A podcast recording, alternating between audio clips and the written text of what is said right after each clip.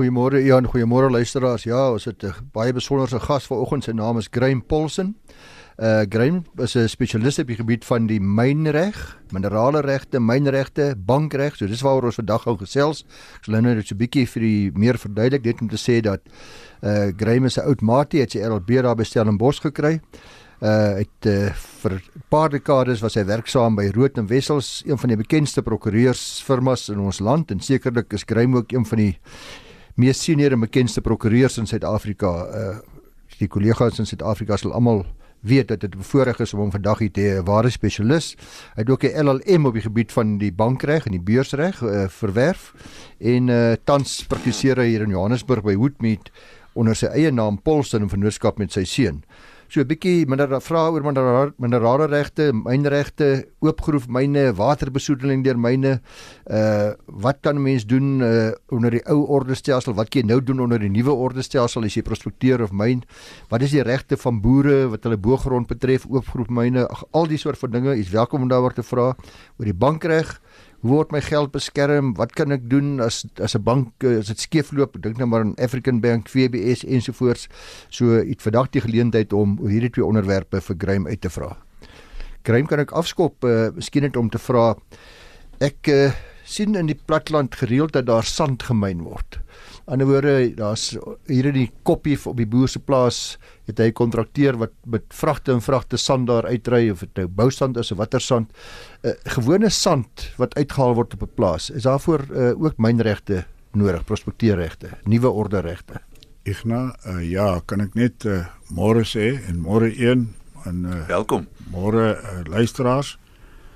Igna, ja, om jou vraag te antwoord, sand is 'n mineraal en ek dink daar's vier verskillende soorte sand as jy na die periodieke tabel kyk. Uh so het jy bousand, dis dit staan bekend as silikon. Nou, dis 'n mineraal, dit was nie altyd 'n mineraal nie, maar in die ou dae was daar 'n beslissing, kan nie onthou wie die regter was nie, maar wat gesê sand is 'n mineraal.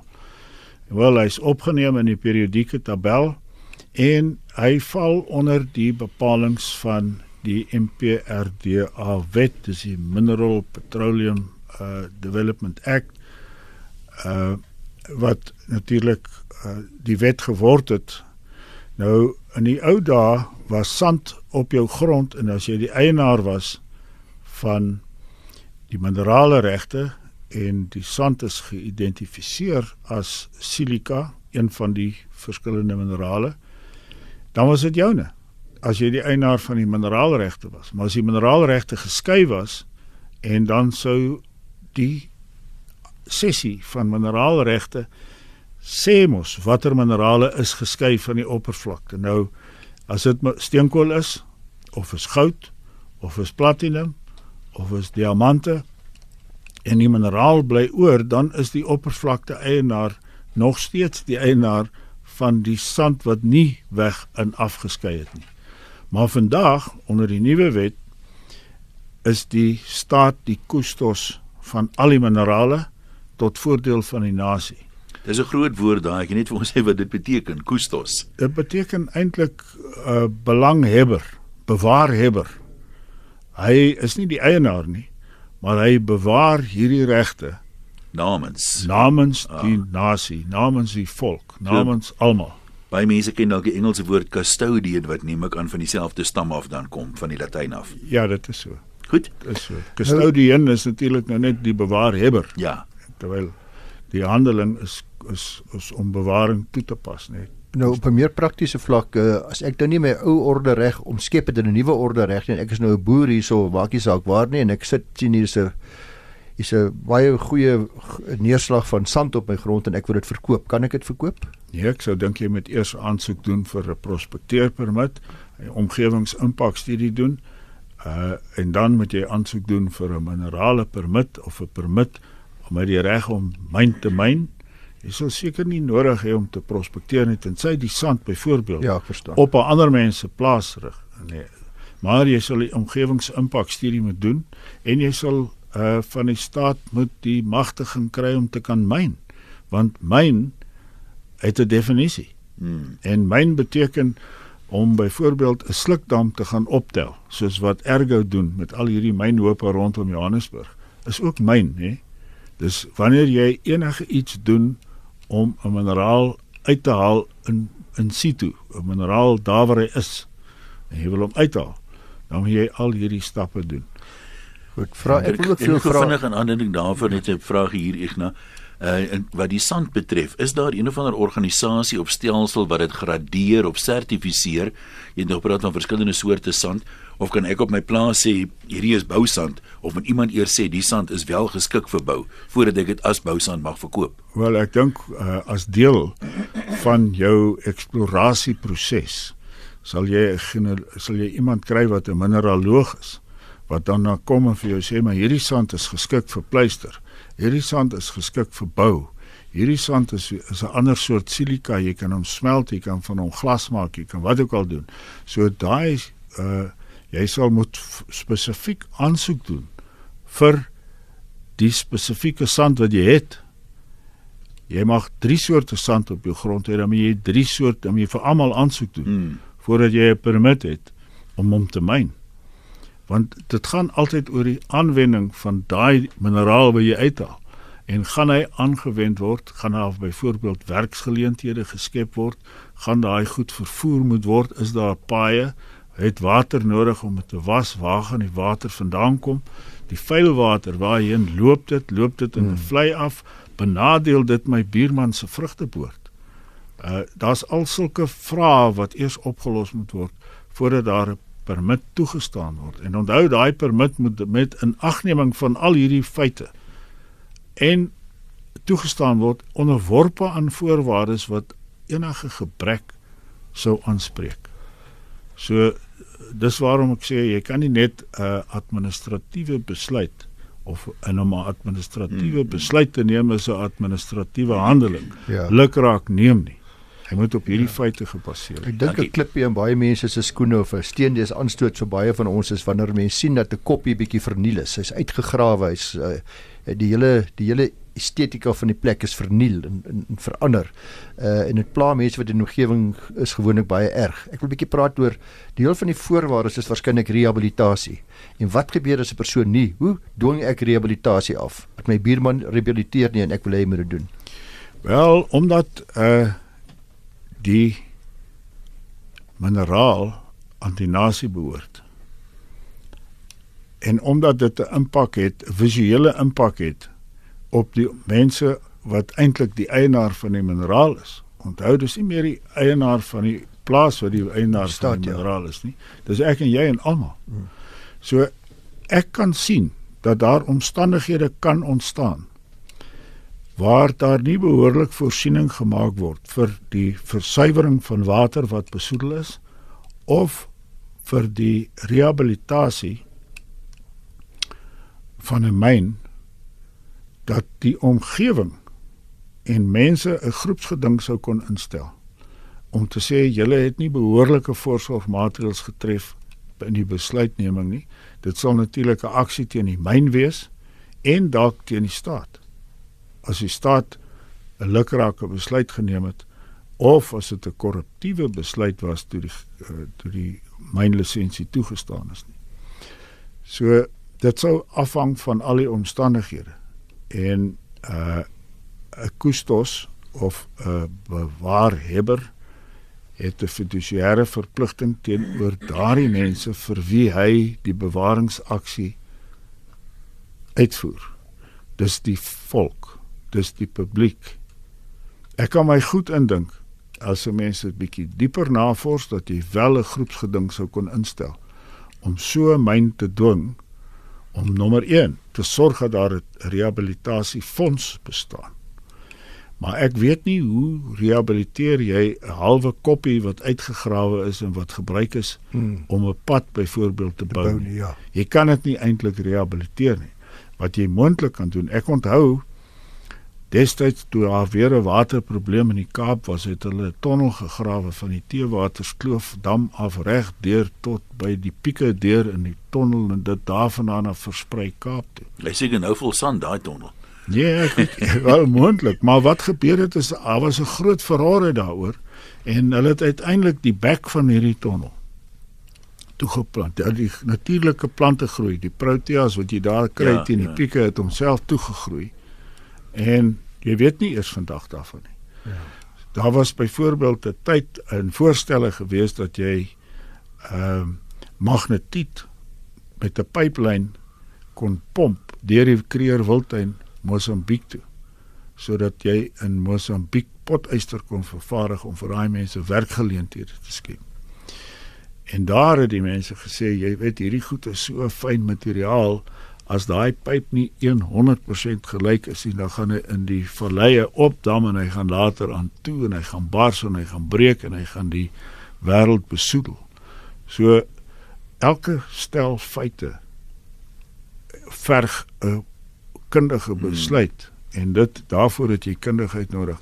En en 'n mens sou dink ek as jy sien daar's besig om 'n koppie uit te kap, pragtige mooi koppie, dan kon jy navraag begin doen. En die eerste plek om dit te doen is by die departement van minerale hmm. en energie sake.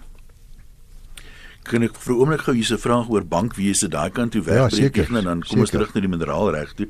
Ek neem aan is van 'n ryk ou, ek gee nie sy naam nie, maar hy sê Wat is nou eintlik die verskil tussen 'n Switserse bankrekening wat jy partymal hoor ryk mense het en 'n gewone bankrekening in Suid-Afrika of, of in 'n ander land? Is daar ander reëls en regulasies vir Switserse rekeninge of wat sou die beweegrede wees om nou daar 'n rekening oop te maak? Wel ek dink die eerste dit raak eintlik aan 'n ander beginsel dat daar is 'n bankgeheimnis beginsel. Dis 'n baie ou beginsel. 'n Bank mag nie die belange van sy kliënt openbaar behalwe waar hy dit vir sy eie doeleindes gebruik nie. Hy kan nie jou besonderhede van jou identiteit, jou rekening, jou balanse aan 'n ander bank gee nie tensy dit binne die omvang van bankwese van toepassing is. Nou die Switserse bankrekening, hulle het op hierdie bankgeheimnis beginsel baie sterk gestaan in Switserland. Dit is dit dit dit laat hom natuurlik oop vir moontlike misbruik deur mense wat warm geld, uh gewaste geld of geld wat hulle wil wegsteek vir die ontvanger daarin wil uh, laat bly en ek dink uh dat daar is word met uh noukeurigheid na daai goed deesdae gekyk. Uh omdat dit 'n internasionale omgewing is wat deur Basel geskep word. So die bankgeheimnis beginsel bestaan nog steeds. Maar as hy so toegepas word dat hy eintlik misdaad aanhelp, dan dink ek gaan daar 'n verligting kom. Maar ek weet nie of dit al so is nie. Hmm. En ek dink die rede daarvoor is dat baie mense het hulle geld daar gaan bære en dit is jy weet banke het ontstaan uit die ou uh uh uh goudsmede uit. So as ek goud gehad en dan vat ek dit na die goudsmid toe en die goudsmid gaan en hy maak 'n groot baksteen daarvan en hy gee vir my 'n papiertjie en hy sê jy het soveel gram goud by my. En mettertyd was dit 'n betaalmiddel geword. En uh, toe die sentrale banke gekom en gesê ons kan nie so baie goud rond hê wat die hele wêreld vol rond lê nie en die mense se stelsels en boekhoudstelsels is nie so goed nie.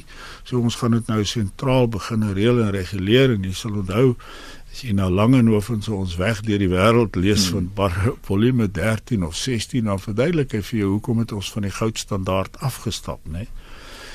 Nou al daai goed het te maak met die bankgeheimnisbeginsel en ek dink die Switsers pas dit net baie meer strenger toe as wat ons dit doen. Maar dit is 'n beginsel en daai beginsel is besig om te herleef. Ja, Graham vir al miskien ek so jy weet beter as ons almal banke doen op op internasionale wyse met syndikaate en syndikaate van banke besig word groot besigheid en nou kyk kan kuberkrakery. Ja. Dis 'n ding wat seker vir banke 'n groot kopseer moet wees deesdae. Wel, jy weet net kom kom ons begin net by die eerste deel van jou vraag. Uh as jy 'n groot boer is en jy voer byvoorbeeld uh vrugte uit na 5 of 6 of 7 lande toe. Voordat daai goed op die skip geplaas word, hier het jy 'n kredietbrief nodig om seker te maak jy gaan betaling kry. Dan gaan jy na jou bank toe en jy sê vir hom vra vir daai koper se bank, waar hy ook al is, 'n kredietbrief.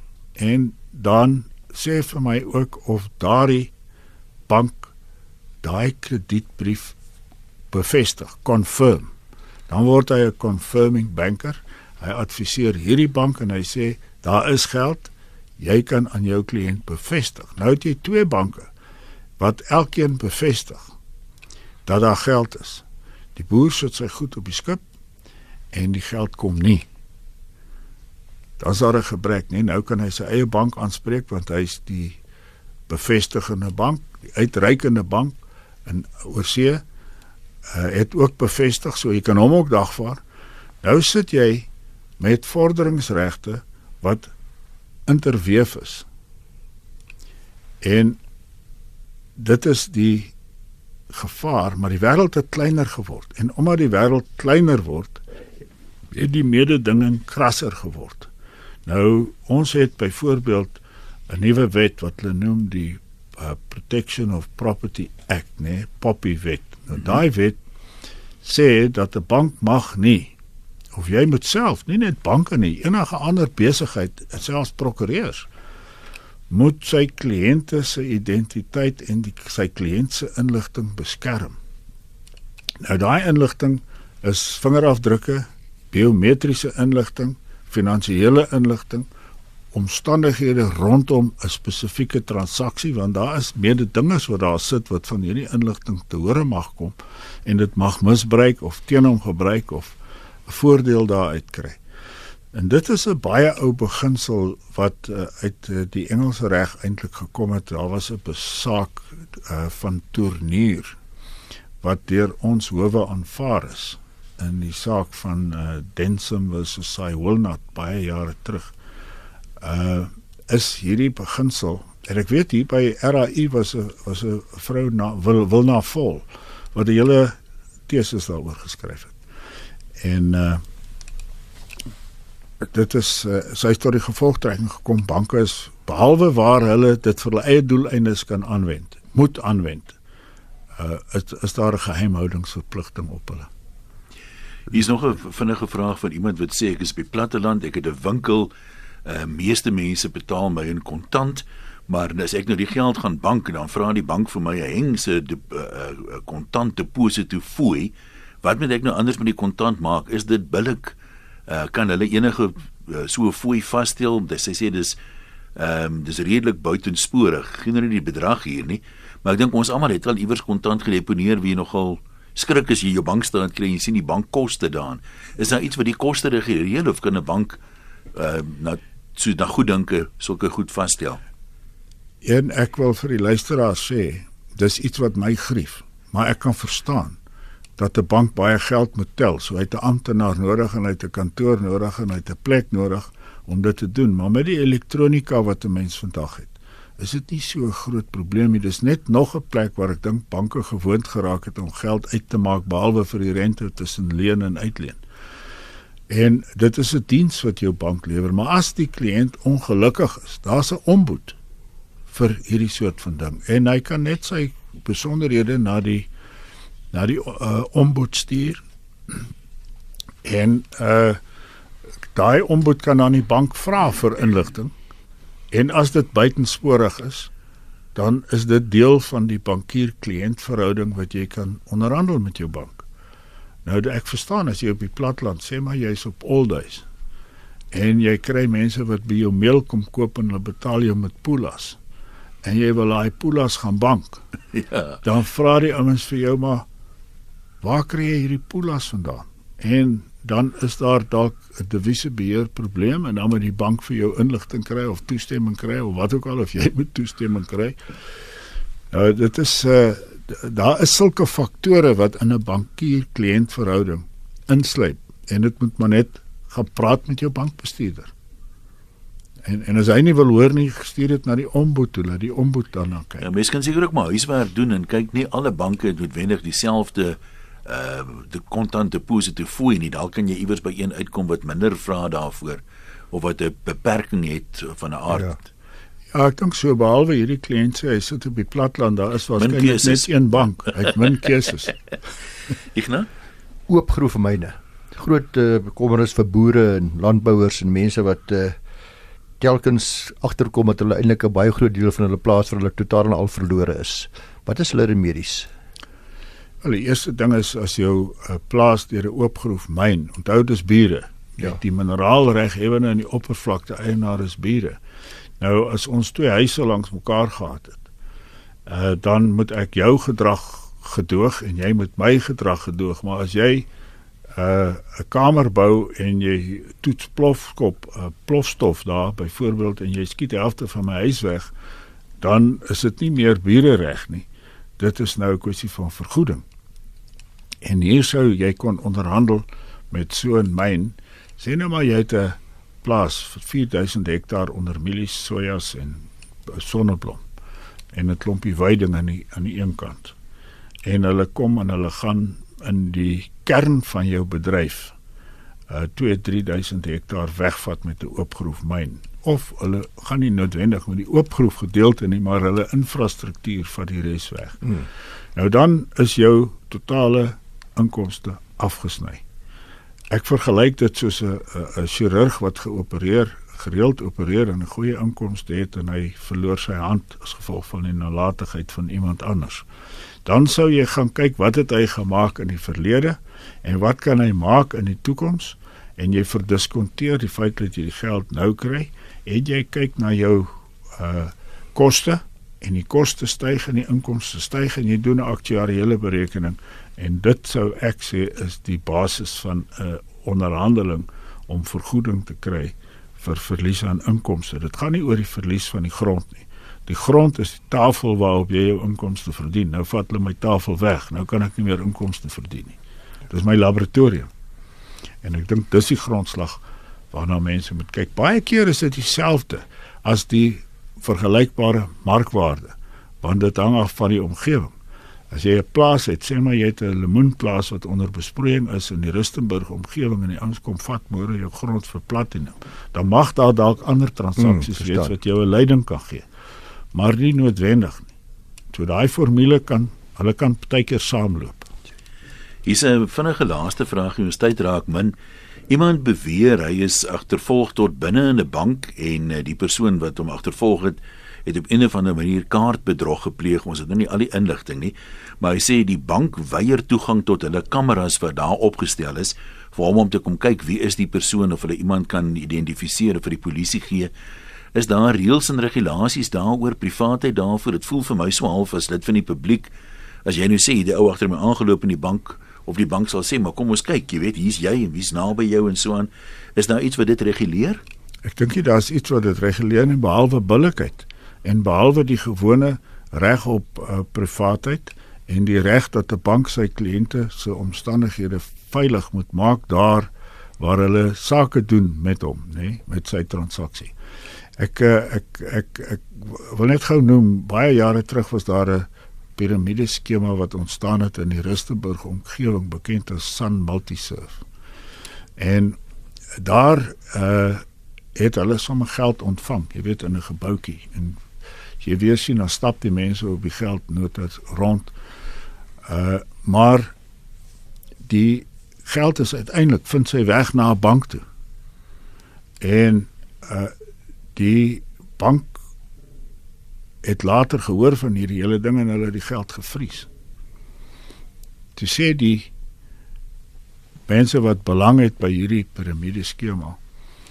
Hulle sal die bank se deure picket, né? Nee, hulle gaan mense voor die deure sit sodat daar nie toeganklikheid is nie. En dis 'n beeldrisiko vir 'n bank. So hierdie persoon wat agtervolg is en ek het al sulke gevalle van gehoor. Die mense word, hy weet hy betaal uh, hy hy hy bank elke week op dieselfde dag.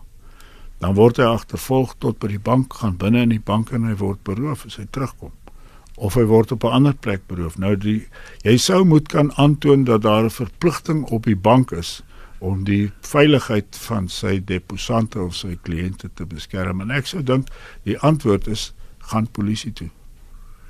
Ek is bevrees op daai somber note wat sal ons moet afsluit vandag. Uh Graham, is jy bereid om vir ons dalk 'n e-posadres te gee as iemand navraag het oor mynreg of bankreg en uh, met jou in verbinding wil tree? Een ja, my uh, e-posadres is g polson p o l s o n by polsonlaw.co.za. Ek is bevrees dis alwaarvoor ons gaan tyd hê. Ignas baie dankie van jou kant af ook ja, vir die deel van Grym. Miskien net die luisteraars uh, daarvan sê dat uh, Grym het ingestem om weer met ons kom gesels bietjie meer in detail gespesialiseerde gebied as die bank kry en uh, dit gaan hy doen op die 17de September. Op die 3de September gaan ons in baie groter detail bietjie praat oor myne mineraalregte en al die bepalinge van die wet. Ons sluit gerus dan by ons aan.